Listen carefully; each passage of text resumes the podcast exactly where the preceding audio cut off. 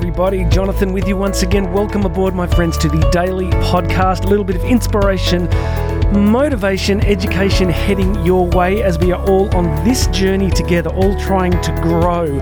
It seems to me that if we are not investing and uh, making efforts in our own personal development and growth, then we do not tend to stay stationary. It may look stationary to you, it may look stationary to others, but what's actually happening is we are slowly moving backwards. It is good to be with you today. Please make sure you've subscribed, hit that subscribe button, and there will be a link here if you want to book a private coaching call with me. If you feel stuck in some area of your life, you want some guidance, direction, some analysis, hit that link, go and book yourself a, uh, a coaching call with me, and let's get you moving forward. Friends, today I want to talk about something that has been Look, I think it's been a challenge for me for much of my life. As a person of faith, I'm often like, you know, you end up with this, or at least I did, you end up with this kind of magical fairy idea that life is supposed to just go exactly how you want it. There should be sunshine and rainbows and unicorns sprinkling your favorite hand-selected color-coded M&Ms along your path as you journey through the day. And I've sort of thought for a long time that if if it wasn't like that, then it must be something wrong. And I was doing something wrong. And then depending on how you grew up and all sorts of different experiences that we have in life of trauma and pain and all the stuff that happens, we can tend to think that if life isn't going exactly the way we want, then maybe we are being punished. You ever had that thought? I know some of you haven't. I talked to Karen about this once and she's like, no, I've, I've never thought that. I'm like, okay. So everyone except Karen, who I'm talking to today, I'm sure most of us have had some kind of similar experience. There'd be a spectrum here. Some of us would be like, you know, going through life feeling that you're deeply kind of cursed or punished and nothing ever works for you and nothing goes right, all the way to kind of not having that feeling, but sort of when things do go wrong, you get frustrated and you're like, Am I doing something wrong? Why isn't God, the universe, making things work for me? So, I got a really interesting filter on this today. I was up super early, and uh, lately I've been spending from about 4 a.m. through to kind of 7 a.m doing a lot of training content, just listening some really good training that I like to listen to, and just you know resourcing myself. And I, you know, I've said to you guys for so many years, keep filling that cup, keep resourcing yourself with great content. So the filter I want to use on this topic of you know is the universe conspiring against you is to kind of talk about the power of questions, right? The power of questions. I learned many years ago that if you ask your brain a dumb question, it will give you a very unhelpful answer. If you ever ask your brain a question like, why am I so stupid? Or why can I never get anything right? Well, your brain is going to give you a spectacularly unhelpful answer. Trust me, that's exactly what's going to happen. You ask a better question, you get a better result. If you ask a question of, you know, instead of why am I so stupid, you ask, well, you might ask a question like, what could I attempt differently? What am I doing that's inefficient? They're just same experience but different questions. You ask a better question, you get a better state.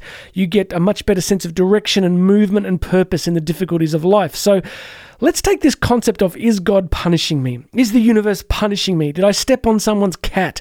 Did I break 15 mirrors and uh, did 300 black cats run and cross in front of me and I'm never going to get what I want? To what about moving from is God punishing me or is the universe punishing me to something like, is God challenging me?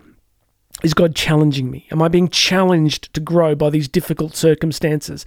You see, as a parent, you know, of several young kids, my son who's 13 and a half, like he's really hitting that phase of, you know, beginning to grow into his young manhood and and moving from that dependence to kind of independence and interdependence. And I notice that as a parent, my task is to start to push him a little bit harder, to try and get him to take more responsibility, to have more accountability, to set his own standards higher.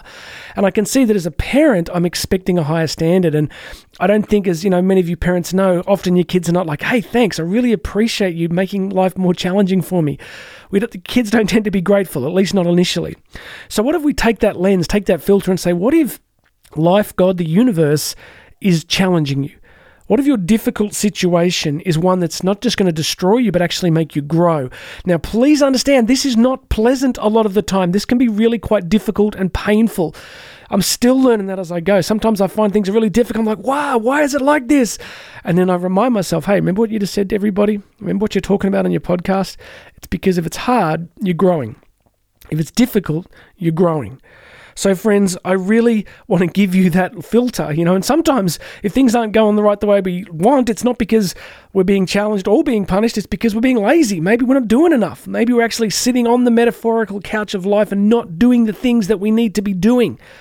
So I want to give myself that lens today. What if all of the difficulties, what if all the challenges and pains and things that we wish were different were invitations to growth, were chances to change things, were chances to get stronger and stronger and stronger? I just got out of the gym this morning, got out of the gym, got here into the studio and I'm like, I'm in the gym, I'm doing deadlifts today and I'm doing high reps for a change. And I'm like, they're painful. Set one was painful, set two was painful, step three was painful. But now I have a body like a Greek god.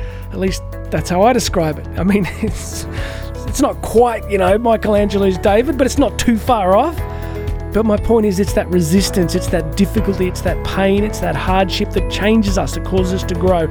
So look into your life today, my friend. Look into your life and ask yourself the question Are you being punished or are you being challenged? Where is the most difficult things in your life today? Because that is the place you are going to grow. All right, that's it. Go ahead, subscribe. Make sure you've subscribed to the podcast. Share this with some people and go and book yourself a coaching call with me. We are going to get you moving forward. It's what I love to do.